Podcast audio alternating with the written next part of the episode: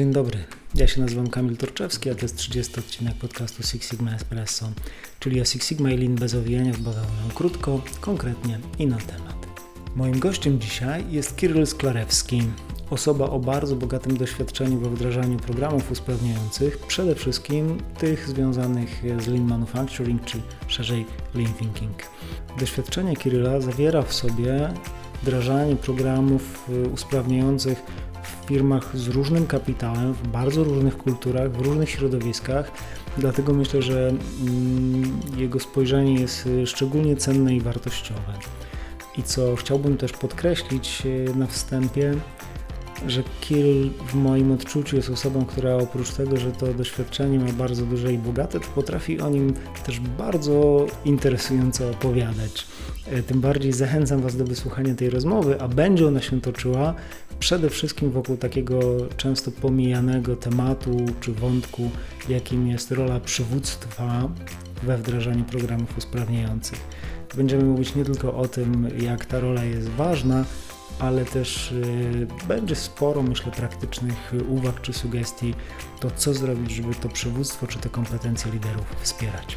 Zapraszam Was do wysłuchania tej rozmowy. Przed Wami Kiryl Sklarewski i ja, czyli Kamil Turczewski. To co, Kiryl? Startujemy? Tak jest. Dzień dobry, Kiryl. Dzień dobry, dzień dobry. Bardzo miło. Kiryl, powiedz y, w dwóch słowach, kim jesteś i czym się zajmujesz obecnie? Nazywam się Kirill Sklarewski. E, od przeszło 10 lat jestem związany z e, optymalizacją procesów. Mm, jestem osobą, e, która bardzo mocno jest nastawiona na eliminację marnotrawstw w procesie. Współpracując z wieloma firmami z różnych branż, spotykam na co dzień problemy, z którymi borykają się przedsiębiorstwa można powiedzieć, że jestem entuzjastą ich eliminacji i uczenia ludzi, w jaki sposób podchodzić do, do projektów transformacyjnych w swoich firmach. Mhm. A powiesz dwa słowa, jakie jest Twoje doświadczenie, bo ja wiem, że mm, no, pracowałeś dla różnych firm, w różnych branżach, e, dla różnych organizacji. E, da się to jakoś streścić? Myślę, że tak. Wspaniałą szkołę dostałem od e, korporacji amerykańskich. E, szkolenia pierwsze, z którymi miałem styczność e, w kulturze Lean, mm, dostałem od korporacji koreańskiej. Następnie wraz z biznesem szwedzkim uczyłem się optymalizować procesy, czy też przeprowadzać transformacje na całym świecie. Pracowałem w -hmm. takich państwach jak, no oczywiście Polska, nasza rodzima, Portugalia, Skandynawia. Miałem też przyjemność spędzić rok w Chinach, także, także było tego sporo i, i tak jak wspomniałem, no przechodziłem przez różne szkoły biznesowe, różne szkoły optymalizacyjne, różne szkoły linowe i też szukając swojego miejsca podczas okresu pandemii, e, pracowałem w branży IT między innymi. E, przez branżę też e, biofarmy, więc trochę tego zaliczyłem. Mhm. zaliczyłem tego. Czyli nie tylko branża, ale też różne kultury, czy różne sposoby w ogóle modele prowadzenia biznesu, czy filozofię prowadzenia biznesu. Hmm? Tak, tak. E, mhm. Przy czym też widać wyraźne różnice w podejściach. Każdy każda szkoła, że tak powiem, czy każde, każde państwo, powiedzmy, każda korporacja reprezentująca określoną szkołę biznesu ma swoje podejście do procesów optymalizacyjnych, procesów, e, czy podejście do zarządzania, tak naprawdę, począwszy od zarządzania zespołem, przez kreowanie tej wartości, aż do, aż do też tak naprawdę prowadzenia samej transformacji nowej, bo to jest sednem naszego mhm. dzisiejszego spotkania. Zobaczyłem też, jak różne mogą być te podejścia, i jak różne efekty tak naprawdę te podejścia mogą przynieść. Mhm. To tak pół żartem, pół serio cię zapytam, to jak ktoś jest y, linowcem czy człowiekiem od y, optymalizacji procesów i chce się rozwijać, to aplikować lepiej do amerykańskiej, do koreańskiej czy do szwedzkiej firmy? Ja myślę, że to jest bardzo podchwytliwe pytanie. E, tutaj każdy powinien znaleźć, myślę, że coś wobec zgodne ze swoim temperamentem. E, w amerykańskiej szkole dostaje się niezły wycisk i tam się okay. tak naprawdę uczy szkoły życia, e, szkoły, e, szkoły presji, szkoły pracy pod stresu w środowisku tak naprawdę, który wymaga cały czas non-stop 110% od człowieka. Mm. Także to niewątpliwie warto zaliczyć aczkolwiek trzeba wybrać ten odpowiedni design dla siebie. W azjatyckim podejściu jest duża hierarchiczność. Tu też myślę, że nie odkrywam niczego nowego, ale ta hierarchiczność też w pewnym momencie, w pewnym momencie może doskwierać, prawda, że pewna decyzyjność tak naprawdę nasza, nawet ze względu na nasze kompetencje mogą być w naszych ramach, ale niestety no, przez tą hierarchiczność musimy, musimy te, na te decyzje oczekiwać odgórnie. E, czasem one mogą być też niezgodne z założeniami samego projektu. -hmm. To mhm. też trzeba sobie bardzo mocno uzmysłowić. E, no, a podejście szwedzkie z kolei, e, czy też podejście skandynawskie, no to to jest wieczna fika, prawda? Czyli jak mamy jakąś decyzję, mamy pewien problem, mamy pewien case do rozwiązania, no to najpierw idziemy na kawę, -hmm. Następnie dopiero jakby podchodzimy do samego, samego problemu, aczkolwiek to podejście skandynawskie było mojemu sercu najbardziej bliskie, ponieważ było racjonalne, zawsze stawiało pracownika na pierwszym miejscu i zawsze tak naprawdę podchodziło, podchodziło do, do rozwiązania problemu w taki sposób od A do Z, powiedzmy, szukając tej, tej przyczyny źródłowej, nie tylko, nie tylko tych takich zamienników, powiedzmy, mm. czy też mhm. gaszenia mhm. pożaru. Także, mm. także to podejście skandynawskie dłuższe w rozwiązaniu, powiedzmy, nieraz, e, ale, ale było mi najbliższe. Mhm. No a poza tym kawa jest dobra na wszystko, e, moim zdaniem przynajmniej, także to dodatkowy benefit jest. E, tak powoli wchodzimy, wiesz, w tematy mm, optymalizacji czy wdrażania, w ogóle budowania kultury Lean. Jeszcze jak jesteśmy przy tym wątku takim międzynarodowym czy międzykulturowym, to cię chciałem zapytać, czy na tym tle dostrzegasz jakoś polską specyfikę? Czy jest coś takiego jak e, polski styl, czy polska szkoła prowadzenia wdrożeń takich dużych optymalizacyjnych. Powiedziałeś bardzo klarownie o tym, co wyróżnia podejście amerykańskie, azjatyckie czy to skandynawskie. A co tutaj się dzieje w centrum Europy?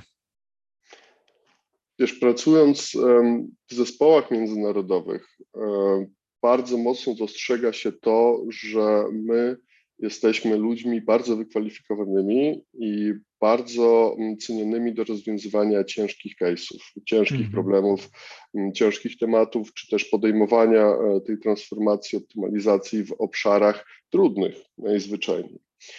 E, więc e, tutaj od razu z miejsca pozdrawiam wszystkich swoich kolegów. Jeżeli ktoś będzie słuchać naszego nagrania, to, to cudownie. I, I tak, wyróżnia nas upór w rozwiązaniu e, ciężkich problemów, tak bym, to, tak bym to powiedział. Dostajemy projekty mm, niełatwe e, i świetnie sobie z nimi potrafimy poradzić, dlatego że też ta kreatywność podczas rozwiązywania, rozwiązywania niektórych e, no, po prostu problemów produkcyjnych, czy, czy też tych case'ów optymalizacyjnych, gdzie musimy podnosić powiedzmy czy jakość, czy czy generalnie brać cały proces na pod lupę i, i, szukać tych rozwiązań nieoczywistych.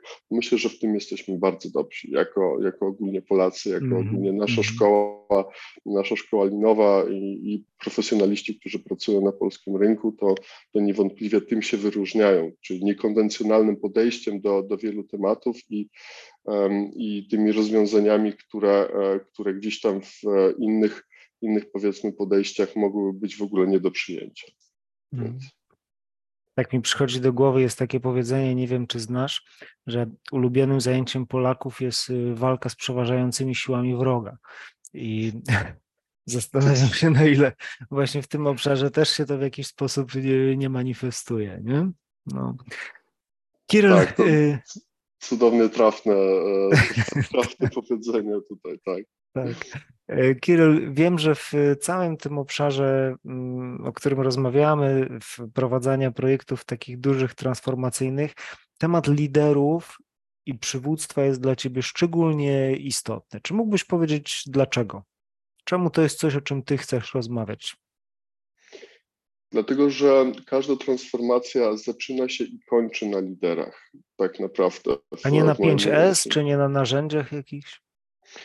Narzędzia są świetne. E, mhm. Narzędzia ma, mają bardzo, bardzo dużą wagę w, przy projektach optymalizacyjnych, natomiast robimy pierwszy podstawowy błąd, że na tych narzędziach się skupiamy od samego początku i chcemy za wszelką cenę wprowadzić narzędzia, zapominając o tym czynniku ludzkim, zapominając o tej, mm, o tej nawet takiej misji czy wizji tak naprawdę całego, e, całej transformacji czy całego projektu optymalizacyjnego. Dla wielu przedsiębiorstw czy dla wielu wielu takich podejść, można powiedzieć, linowych.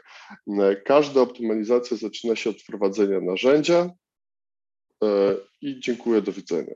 Więc, więc to nie przynosi tak naprawdę z mojego doświadczenia optymalnych czy też wymiernych efektów na dłuższą metę. Nie? Więc, więc ten czynnik ludzki, e, przywództwo to też jest czynnik ludzki przede wszystkim, czyli to jest kwestia podejścia od, od samego zalążka tak naprawdę, po co my robimy e, tego typu projekty, jaką mamy potrzebę, tak? czyli wyłuskanie tej tak naprawdę e, misyjności, czy, czy też wizji tego, w jaki sposób tak naprawdę te te wymierne efekty czy wymierne korzyści mają, mają przyjść do przedsiębiorstwa tak naprawdę, w jaki sposób one się mają ukorzenić w mhm. przedsiębiorstwie i w jaki sposób one mają to dane, dane przedsiębiorstwo, ale też schodząc niżej, dany obszar, czy też e, daną gałęź przedsiębiorstwa tak naprawdę rozwinąć. Więc, więc to jest to jest to.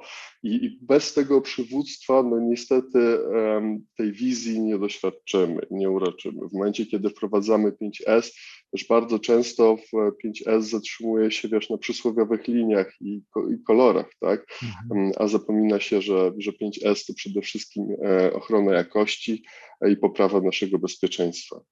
Powiedziałeś właśnie o tym, jak ważny jest, jak ważny jest ten czynnik ludzki i o istotności tego, czym jest przywództwo e, w tym procesie. Natomiast powiedz to od strony praktycznej, jak się za to zabrać, bo jeżeli chodzi o narzędzia, to zazwyczaj wiemy, co zrobić. Mamy sekwencje, to jest opisane w książkach, na kursach i to jest dosyć czytelne. No a ten czynnik ludzki, czyli przywództwo w procesach transformacji, no jest takim właśnie komponentem miękkim. E, jak się za to zabrać z, twojej, z Twojego doświadczenia, z Twojej perspektywy? Co zrobić? Od czego zacząć? Tak jak wspomniałeś, e, cały proces transformacyjny czy też optymalizacyjny jest dobrze opisany z perspektywy narzędzi. Pomija się niestety ten, ten czynnik przywództwa, dlatego że mm, to jest, to jest sprawa miękka, natomiast też oparta o bardzo wyraźne kompetencje, nie tylko miękkie, ale też takie strukturalne, bym powiedział. Najważniejsze, jak się za to zabrać, i, i też tutaj nie pomijając tego czynnika ludzkiego w samym przywództwie, że tak powiem, czyli samo ziarno prawdy, E, więc każdy lider e, tak naprawdę transformacji, czy też, e, czy też przywódcy transformacji, tak zwany stakeholders, niektóre te pojęcia warto, żeby wybrzmiały w języku angielskim, no więc powinni mieć wyraźną wizję. I tak naprawdę od tej wizji transformacyjnej, optymalizacyjnej wszystko się zaczyna. To jest to ziarno. Jak organizacja powinna funkcjonować w oparciu o kulturę Lean? Mm, wybacz, jak... wybacz że ci przerwę, y, Kiryl, przepraszam, a chciałem cię dopytać, to jak to, skąd wziąć tą wizję, jak ją stworzyć, co w twoim doświadczeniu działało? Mhm. No, można powiedzieć tutaj i użyć kilka konkretnych warsztatów. E, e, wymienię takie narzędzie jak X-Matrix na przykład, gdzie, gdzie podczas e, warsztatów bezpośrednio samej grupy stakeholderów czy też przywódców organizacyjnych tak naprawdę ludzie wypracowują tą wizję i misję tak naprawdę, gdzie są obecnie, definiują, gdzie są obecnie, definiują również to, gdzie chcą być e, za pięć lat, ale w oparciu o konkretne, konkretne wskaźniki. Biorą pod uwagę swoje otoczenie, czyli środowisko, cały rynek, całą branżę tak naprawdę, w której się obracają i umiejscowiają swoją firmę, swój biznes tak naprawdę w tym całym środowisku. Więc to jest taki punkt wyjścia do tego, żeby opracować strategię transformacji, czyli, czyli od wizji tak naprawdę opracowujemy strategię, w jaki sposób zrestrukturyzować naszą firmę czy nasz biznes, ulepszając go i dopasowując do realiów, tak, żeby za pięć lat osiągnąć odpowiednie miejsce, czy też odpowiedni poziom, który, który sobie zakładamy w danym momencie. E, musimy też e, jasno tą wizję zakomunikować, i omówić tą strategię z, z całym zespołem w późniejszym etapie. Czyli mówię tutaj o przejściu z, z tej grupy stakeholderów na poziom niżej, czyli do managementu zarządzającego już bezpośrednio, z którymi, z którymi tak naprawdę tą, tą strategię będziemy mogli sobie zderzyć z rzeczywistością i na tej podstawie wyklarować, czy też wyłuskać tak naprawdę chociażby te obszary, które powinniśmy sobie naprawić w tym najbliższym czasie, prawda, w tych powiedzmy zakładanych trzech czy pięciu latach, które chcielibyśmy, których chcielibyśmy dojść. Tak bym odpowiedział na Twoje pytanie. Mhm. Oczywiście mogę się rozwijać dalej, ponieważ, mhm. e, ponieważ tu dopiero jest, e, że tak powiem, zalążek. Pierwszy krok. Tak. Dokładnie, tak. jest to absol, absolutna podstawa, mhm. podstawa jakiejkolwiek definicji, dlatego też, dlatego też jest to bardzo istotne i ta cecha przywódcza, że tak powiem, czy też, e, czy też to przywództwo jest, jest bardzo często pomijane podczas, podczas transformacji, wiesz, to jest na tej zasadzie, że prezes zarządu rzuca takie słowo, czy takie hasło, że lin jest teraz modny, powinniśmy się e, e, nawet nie stać lin, prawda, tylko powinniśmy lin wprowadzić do firmy, jak to się mówi, tak? E, mm. I proszę tutaj jakby grupę swoich menedżerów, czy też project managerów o to, żeby jak najszybciej zdefiniowali obszary, w których moglibyśmy tak robić. To oczywiście mówię metaforycznie, ale niestety to się przekłada na realia i tak to, tak, tak to, tak, tak, tak, to niestety wygląda i tak to mhm. niestety działa, całkowicie pomijając ten aspekt przywódczy właśnie. Korzystając z tych narzędzi, o których wspomniałeś, czy korzystając z tych, z tych metodologii, gdzieś tam po skrawkach project managerowie zaczynają gdzieś tam wyłuskiwać, że a, to wprowadźmy może 5S tam, gdzie go nie ma, oznaczmy świetniki, będziemy wtedy mieć lin w organizacji, prawda? No, no mówię teraz bardzo kolokwialnie, lecz, e, lecz niestety to, mm, to tak to wygląda. Tak to wygląda, takie są realia. I, I też e, chciałbym, żeby to, to zabrzmiało dosyć głośno, że, że nie od tego się powinno zaczynać. Powinno się mhm. zaczynać od tej, e, od tej wizji, od następnie strategii, w jaki sposób chcielibyśmy dojść do, e, do tych mhm. lepszych wskaźników, powiedzmy, i, i w ten sposób przerzucać to tak naprawdę na, na, na tą siatkę, mhm. powiedzmy, naszego biznesu i w ten sposób definiować obszary do, do dalszej transformacji. Cieszę się, że to mówisz, bo ja też mam takie doświadczenia z Akademii Białego Kruka, która no, jest firmą szkoleniowo-doradczą i też e, no, realizujemy właśnie takie zapytania dotyczące transformacji lin.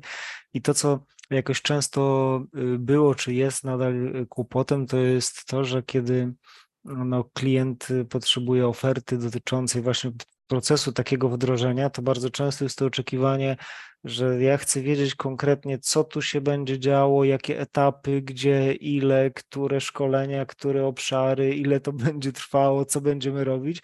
I no można to rzeczywiście stworzyć, ale y, tak naprawdę to nie jest coś, co się wie na początku, to jest coś, co się okazuje dopiero i tym pierwszym krokiem zawsze jest sprawdzenie, to co my chcemy, jaka jest wizja, gdzie, jak, czym to ma być dla organizacji i dopiero na tej podstawie można jakiś taki bardziej szczegółowy plan formułować. Nie wiem, czy ty podobnie to widzisz, nie? Jakoś zawsze tak o tym myślałem, że że to, co możemy przewidzieć y, jako niezbędne, no to jest zaplanowanie warsztatów z kadrą menedżerską, żeby uzgodnić, co tu jest do, do, do wypracowania tak naprawdę, a cała reszta jest potem konsekwencją. Jak ty to widzisz? Mhm. Zdecydowanie się zgadza. Poza tym, mm, wiesz, e, mamy dwa podejścia i już na tyle tak naprawdę wykształciliśmy sobie tą świadomość biznesową, że już wiemy, że podejście waterfallowe, czyli takie mhm. od początku założenie tego wszystkiego i sprawdzenie dopiero na samym końcu, czy to działa, czy nie, no to już w dzisiejszym świecie nie funkcjonuje dobrze. Mhm. E, z, tutaj z branży IT oczywiście jakby czerpiemy garściami podejście agile'owe, tak? czyli, mm, czyli te drobne interakcje tak naprawdę to, co wspomniałeś, prowadzenie projektu w taki sposób, w sposób bardzo świadomy, w sposób e, definiujący każdy określony kawałek e, projektu według potrzeby e, samej organizacji. Patrzenie, w jaki sposób, w jaki sposób nasze procesy tak naprawdę reagują na tą zmianę, prawda? Jakie, jakie przynoszą tak naprawdę efekty nasze, nasze wprowadzane, czy chociażby narzędzia. Nawet czasem prowadząc transformację, my nie musimy nazywać, prawda, czymś visual managementem, wprowadzając określone określone powiedzmy tablice, gdzie ludzie nagle e, dostają ekscytacji, widząc tak naprawdę swoją produktywność, e, prawda, gdzie ona mhm. wcześniej była ukryta, gdzieś głęboko schowana. No, no tego typu powiedzmy elementy wspierające tak naprawdę są już, e, są już tak naprawdę oznaką naszej, naszej praktycznej transformacji. Natomiast, natomiast tutaj znowu wrócę do tej, do tej wizji. My musimy przede wszystkim założyć, w jaki sposób tak naprawdę widzimy tą transformację, w które obszary tak naprawdę powinny, e, powinny tą transformację dotykać, powinny wychodzić właśnie od tego przywództwa. E, tak naprawdę to my jako, e, jako osoby, tutaj teraz troszeczkę wejdę w buty, w buty powiedzmy takich, takich właśnie stakeholderów, czy też przywódców samej transformacji, powiedzmy, to my powinniśmy tak naprawdę założyć to, ile czasu i w jaki sposób będziemy uczyć naszą, naszą organizację do tego, żeby się stała lean. E, my musimy być świadomi tego, że jest, to, że jest to długi proces, że jest to niekończąca się przygoda tak naprawdę, że to nie jest jeden mały wycinek czasu, powiedzmy pół roku czy rok, w której tak naprawdę my, my właśnie tą firmę, że tak powiem, na, na kolejny level no, gdzieś tam sobie, gdzieś tam sobie w, no, Zabrakło mi słowa, wybacz. E, Transformujemy? Nie wiem. Tak, czy, czy też chodziło mi o to osiągnięcie kolejnego, powiedzmy, etapu naszego, mhm. naszego biznesu, czyli bardzo, bardzo częstym tak naprawdę tak, tym momentem, kiedy mm, osoby, e, osoby zarządzające e, kierują się, że tak powiem, całą, bo słyszeli gdzieś o linie, że przynosi dobre efekty mm, zakładają, że przez jeden projekt, przez jeden e, powiedzmy półroczny projekt osiągną bardzo ogromny skok w swojej produktywności, czy poprawy jakości, czy poprawy tak naprawdę mm, logistyki firmy wewnętrznej, zewnętrznej, nieważne, mm, lecz trzeba pamiętać o tym, że jest to zespół naczyń połączonych i w momencie, kiedy e, dochodzimy do, powiedzmy, ulepszamy jeden określony obszar, który przychodzi transformacja i podnosimy go na właśnie ten level wyżej, zalicza level up, to od razu z miejsca widzimy tak naprawdę kolejne obszary, które powinniśmy też tak naprawdę dociągnąć do tego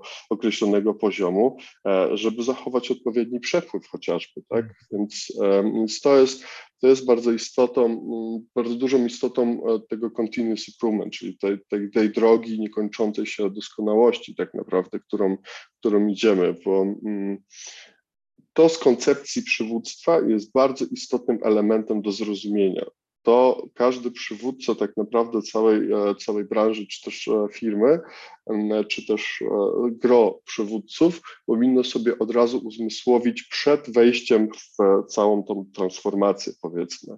I powiedzmy to jeszcze raz jednym zdaniem, to co to jest ta, ta jedna taka krytyczna rzecz? Ta jedna krytyczna rzecz jest to zdefiniowanie misji i wizji przede wszystkim na to, w mhm. jaki sposób widzimy swoje przedsiębiorstwo, czy widzimy swój biznes funkcjonujący za 3-5 lat, powiedzmy mhm. w takim, w takim ujęciu wizjonerskim. Natomiast przenosimy tą wizję później na nasze podłoże już takie praktyczne, zderzamy to z rzeczywistością, patrzymy, gdzie jesteśmy teraz, dokonujemy odpowiedniej diagnozy naszego, naszego biznesu i w ten sposób tak naprawdę planujemy dopiero podejście to transformacyjne. Planujemy to podejście optymalizacyjne i planujemy, czy też definiujemy te obszary, od których zaczynamy i gdzie idziemy dalej. Tak bym odpowiedział na Twoje pytanie. Mhm. Kiryl, nie wiem, czy ty masz takie doświadczenia, ale korci mnie, żeby zapytać, e, a co w sytuacji, jak y, mocodawcy, właściciele czy kluczowe osoby w biznesie mówią, no ale panie Kirylu, my nie mamy tutaj czasu na gadanie o pierdałach, trzeba produkować, pan jest za to odpowiedzialny i proszę pan pójdzie, niech pan wdraża ten lin, nie mamy czasu y, dwa dni rozmawiać o jakichś e, fantazjach e, o przyszłości naszej za pięć lat. Proszę działać. Jak, Ma pan e, nasze pełne wsparcie. Tak, to jest cudowne, że to dodałeś, bo, bo, wsparcie jest czymś istotnym elementem, ale wsparcie praktyczne, nie tylko słowne. E, aczkolwiek tak jak, e, tak jak wiesz, jest to nasz chleb powszedni. E, oczywiście jako, jako ludzi wspierających ten, ten cały, powiedzmy, lin, jak to się mówi kolokwialnie. Tak więc, więc dlatego też zazwyczaj przy projektach optymalizacyjnych idzie się dwutorowo. Pierwszy, że tak powiem, zakres jest to transformacja nieraz określona jako transformacja twarda, przynosząca efekty natychmiastowe, e, które łatają czy też ratują biznes, ale drugim torem idzie sobie, idzie sobie optymalizacja czy też transformacja e, cała mentalna tak naprawdę, czyli, e, czyli całe, całe podejście organizacji właśnie do, do szybkich, szybkich gainów, czy też, czy też szybkich, załatwienia szybkich problemów w jak najkrótszym czasie. Jesteśmy po to też, e, żeby zmieniać to podejście ludzi. Jesteśmy po to, żeby, e, żeby ludzie rzeczywiście stawali się lin, a też e, to przede wszystkim tak naprawdę odnosi się do samego myślenia, w jaki sposób my pracujemy na co dzień. Nie tylko do tego, żeby zebrać te najważniejsze tak naprawdę nasze wyniki, ale też, ale też do tego, żeby zmienić naszego, nasze, nasze myślenie, żebyśmy wykreowali tak naprawdę w liderach taki przykład e, i umiejętność samego mentorowania. Liderzy powinni być przykładem postaw i zachowań zgodnych z kulturą Lean, tak naprawdę. Nasze praktykowanie zasad Lean powinno się przynosić na co dzień w nasze procesy, w do naszych e, tak naprawdę też procesów wspomagających.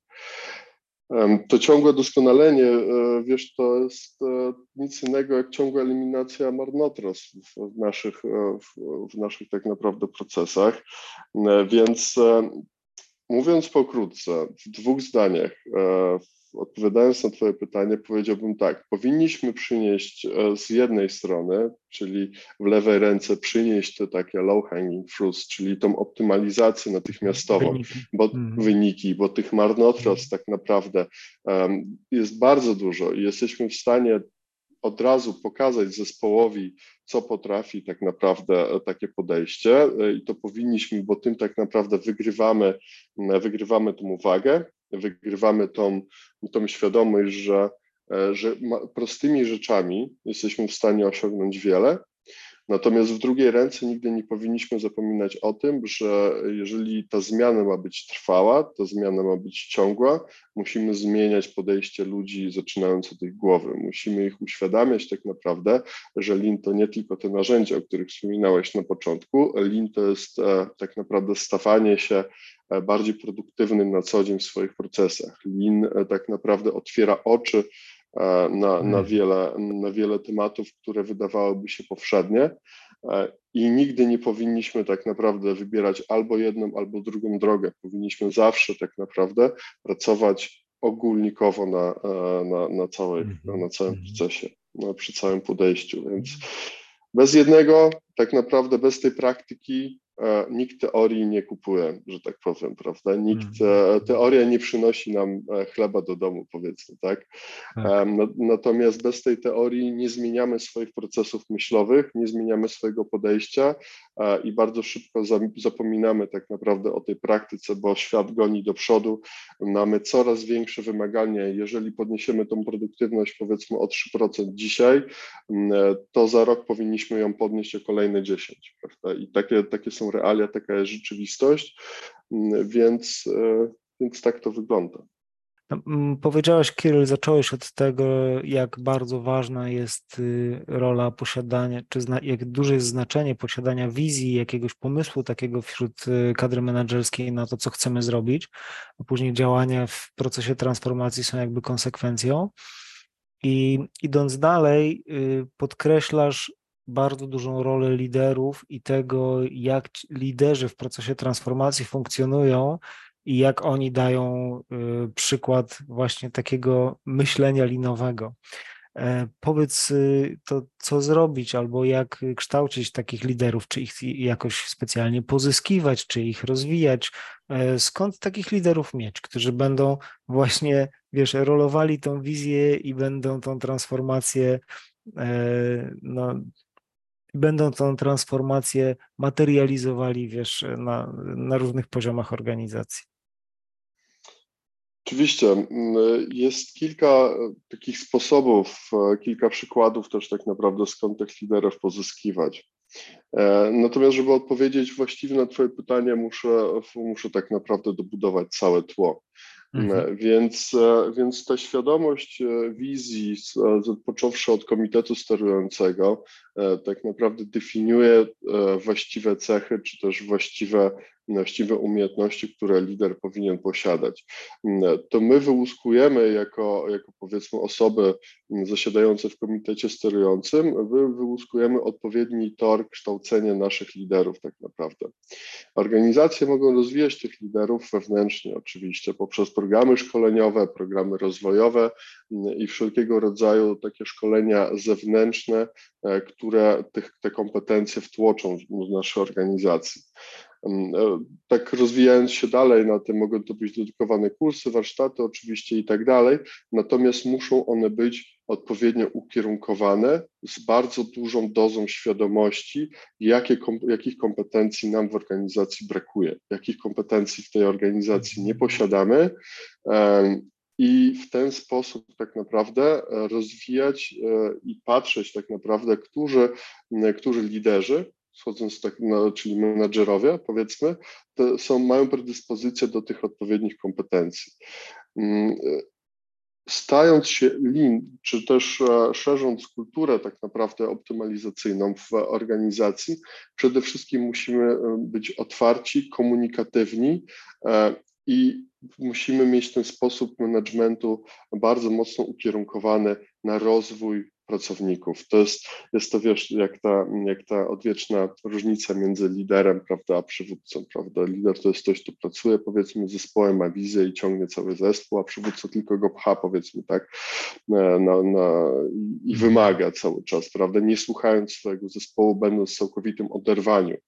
Jako komitet sterujący, czy też jako właśnie przywódcy e, powinniśmy definiować i powinniśmy widzieć tak naprawdę, jak się rozwijają nasi, nasi liderzy, E, powinniśmy też tak naprawdę bardzo mocno patrzeć na to, w jaki sposób pracują ze, swo ze swoim zespołem, czy też, czy też z innymi zespołami, jak nawiązują komunikację, jak szerzą też tą komunikację na wskrosie organizacji. Wiesz, widziałem takich, takich liderów, czy też menedżerów e, linowych, którzy, e, którzy mówią, a znowu rzucili nam pewien projekt, nie wiem jak to ma zrobić, nie wiem co to ma przynieść, ale robimy. I to też jest taki kolokwializm, powiedzmy, też takie podejście, więc, więc ta komunikacja jest niezwykle istotna. E, tłumaczenie ludziom, dlaczego jest to, jest to potrzebne i w jaki sposób przyniesie nam te korzyści, jest, jest cholernie ważne.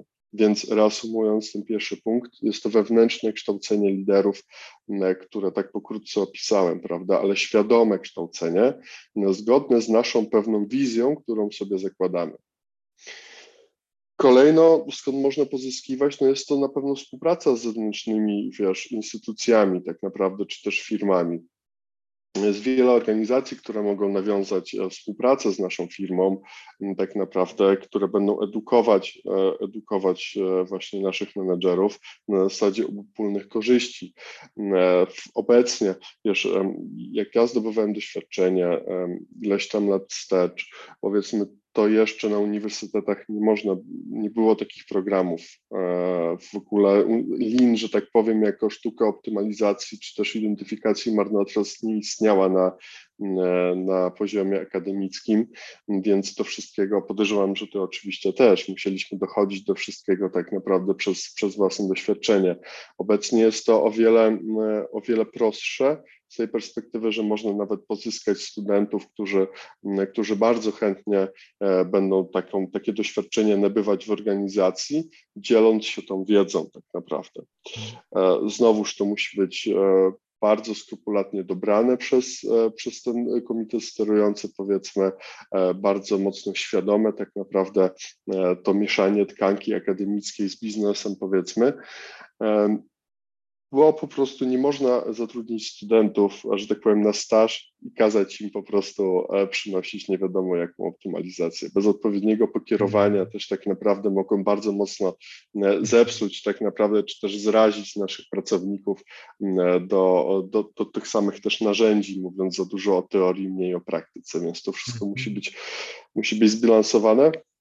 Następnie oczywiście jakby tak trzeci punkt powiedziałbym, że to jest taka no oczywiście możliwość e, rekrutacji z zewnątrz, czyli jeżeli nie mamy odpowiednich zasobów, no to też powiedzmy sobie wprost, to, to nie powinniśmy oszczędzać, tylko taką odpowiednią osobę zatrudnić. E, zazwyczaj w, e, też oczywiście chodzi o skalę firmową, ale zazwyczaj na, na firmę do 500 osób jest potrzebna jedna osoba, która rzeczywiście ma ogromne doświadczenie, która będzie mogła budować wokoło zespół optymalizacyjny, prawda? Czyli dzielić się tą wiedzą, mhm. e, dzielić się tą wiedzą i wykorzystywać przede wszystkim ludzi e, w praktyczny sposób do tego, by chociażby odpowiednio zmapować proces e, i następnie też tą, te kompetencje zostawić na danym obszarze i pójść dalej, powiedzmy.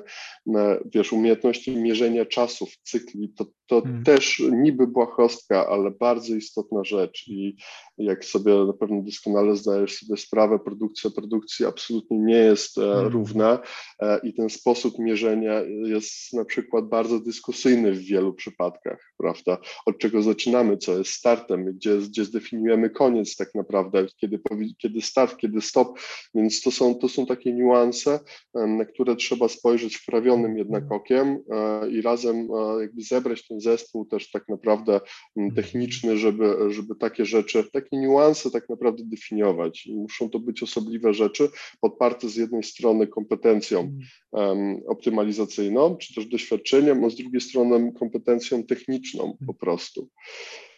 Więc e, więc to jest tak, no oczywiście, ale nie, mógłby, nie byłbym sobą, gdybym nie wspomniał, wiesz, na koniec o wypożyczaniu e, czy też outsourcingu, prawda, czy konsultantów, którzy, którzy tą wiedzę czy doświadczenie też potrafią przynieść e, i, i dużo e, wbrew pozorom zostawić dobrego po sobie, prawda. Mhm.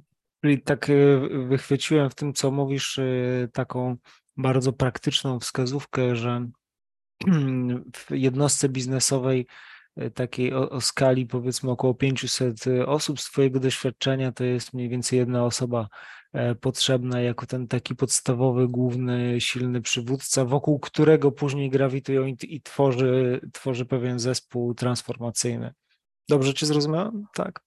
Tak, tak, zdecydowanie. Mhm. E, dziękuję bardzo za to, że to podkreślasz, bo, to są realia i te realia mhm. pokazują, że to, że to w zupełności wystarczy.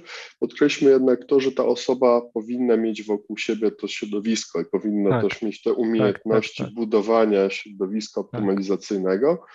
E, I to, no, i to też jest bardzo istotne, tak? Czyli jedna osoba jednak tutaj nie zrobi, że tak powiem, różnicy, ale jedna osoba też kompetentna w zupełności wystarczy na tych powiedzmy grupy, e, na grupie do 500 osób powiedzmy na biznesie w takiej skali, żeby zbudować to środowisko optymalizacyjne. To, to zdecydowanie tak w, rozmawiamy o transformacji Lean i wyłaniają się takie dwa punkty jak do tej pory, czyli bardzo podkreślana przez Ciebie rola wypracowania wizji, jakiejś koncepcji takiej na wysokim poziomie. Dwa, rola bardzo istotna liderów, w szczególności tych właśnie liderów takich powiedzmy, mm, nie wiem jak ich nazwać, czy średnioskalowych, no tych, te, te główne osoby, które w danej jednostce biznesowej mają tą transformację wprowadzać w życie. E, no i jakbyś jeszcze podsunął jakiś trzeci punkt, to mielibyśmy, wiesz, takie top 3 transformacji lin według Kirla Sklarewskiego. Czy masz jakiś pomysł na trzeci punkt? Po, tak, zdecydowanie. E, powiedziałbym, e, trzecim punktem jest inspiracja podczas samej transformacji, bo umówmy Jak się, że? Mhm. umówmy się, że w momencie, kiedy mamy wizję, mamy wykształconych liderów i tak dalej, umówmy się, że transformacja nie jest łatwym kawałkiem chleba. Trwa pewien Mhm. czas, e, można się bardzo łatwo do tego zrazić em, i nawet w trakcie takiego projektu optymalizacyjnego po prostu porzucić go, zostawić, bo po prostu nie, nie damy rady dojść do końca, mamy inne priorytety. Po drodze mamy inne też zmienne środowiskowe prawda, naszego biznesu, które mogą na to wpłynąć. Czyli w jaki sposób tak naprawdę e, inspirować ludzi podczas transformacji do tego, by, by dojść do, że tak powiem, do mety, prawda, by, by osiągnąć te określone wyniki.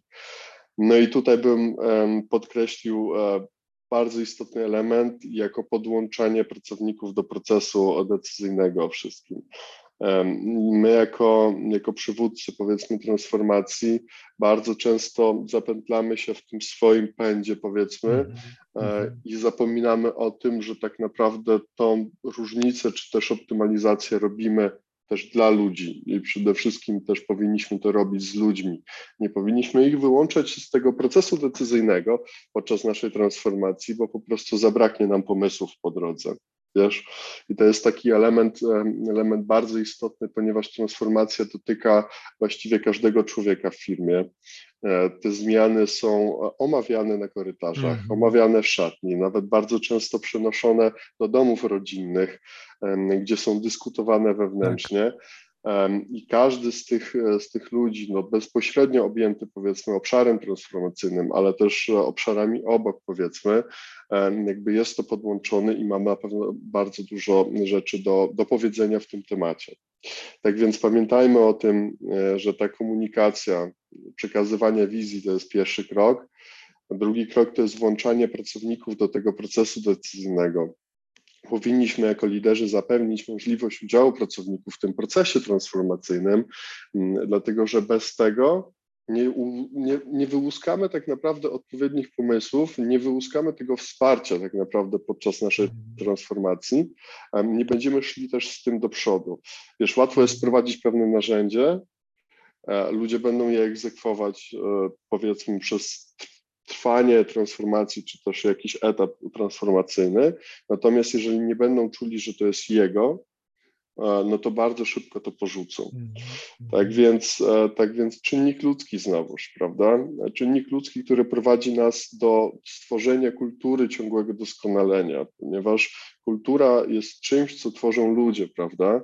Więc jakby te etapy, znowuż się powtórzę, misja, wizja, czyli taka powiedzmy nasza strategia, włączanie pracowników do procesu decyzyjnego i dopiero wtedy na trzecim etapie będziemy mogli mówić o jakiejś, jakimś wytwarzaniu kultury tak naprawdę lin w naszej Mhm. organizacji, kiedy, kiedy ludzie będą w sposób ciągły i, i dłuższy, powiedzmy, pracować z pewnymi narzędziami, z, z pewnym konceptem, z pewnym, z, pewnym, z pewnym nowym sposobem pracy. Dopiero wtedy będziemy mogli mówić o tworzeniu się kultury no, doskonalenia, tak naprawdę, która wzmacnia nasze zaangażowanie i, i docenianie osiągnięć tak naprawdę. I w ten sposób cegiełka po cegiełce tak naprawdę dochodzimy, e, czy przechodzimy przez cały okres transformacyjny, tak naprawdę, by dopiero na końcu e, zewoluować tak naprawdę, czyli, czyli ocenić tak naprawdę te wyniki, tak naprawdę czy początkowe założenia zostały osiągnięte,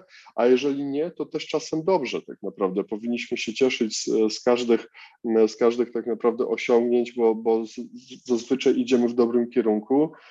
Nie powinniśmy spoczywać na laurach, pamiętając o tym, że jest to proces ciągłego doskonalenia, więc, więc każdy dobry wynik tak naprawdę poprawia naszą, nasz biznes, tak naprawdę przynosi na pewno wymierne efekty, a ciągu doskonalenia mówi o tym, żeby iść dalej po prostu, wybierać kolejny obszar i też definiować kolejny projekt i dalej kształcić tą, tą kulturę, prawda, w naszej organizacji. Mhm, ciekawe, bo po raz kolejny jakby pada e, takie zdanie, e, które jest mi bliskie akurat, że kultura jest y, zawsze wynikowa, e, że trudno jest wdrażać kulturę, że wdrażamy pewne logiki, narzędzia, systemy, myśląc o kulturze, kultura jest zawsze jednak wynikowa i myślę, że warto o tym pamiętać. Kirol, bardzo Ci dziękuję za rozmowę. Chciałem Cię też zapytać na koniec, czego Tobie teraz y, na Twojej drodze zawodowej życzyć? Wiem, że zmieniłeś pracę y, niedawno. Powiedz, co teraz jest w obszarze Twoich aspiracji i dążeń? Mm, wiesz, Ostatnio rzeczywiście dziękuję bardzo, że, że to podkreślasz. Powróciłem do optymalizacji czy też pracy, e, pracy w różnych projektach, czego mi można życzyć, to ciągłego doskonalenia, ponieważ tego, tego byłem bardzo, bardzo głodny po latach spędzonych e, w korporacjach. Natomiast mhm. teraz mam, e, mam ogromną okazję do tego, by znowuż działać globalnie w różnych branżach e, i, rzeczywiście pomagać i, i, na co dzień w bardzo praktyczny sposób ludziom, którzy po prostu tego potrzebują. Więc, więc, więc tak to wygląda obecnie z mojej perspektywy. Mm, dziękuję Ci uprzejmie za, za wspaniałą rozmowę. Mam nadzieję, że, że kilka praktycznych wskazówek udało nam się tutaj wyłuskać e, i że, że nasi słuchacze, czy słuchacze tego, tego odcinka będą mieli chwilę zadumy, czy też chwilę inspiracji po prostu mm. po wysłuchaniu naszej rozmowy. Super. Także Kirill, życzę Ci y, dużo satysfakcji z ciągłego doskonalenia y, siebie, tak jak zrozumiałem też y, i Twoich klientów. I raz jeszcze dziękuję Ci za rozmowę. Dziękuję uprzejmie. Wszystkiego dobrego. Dzięki.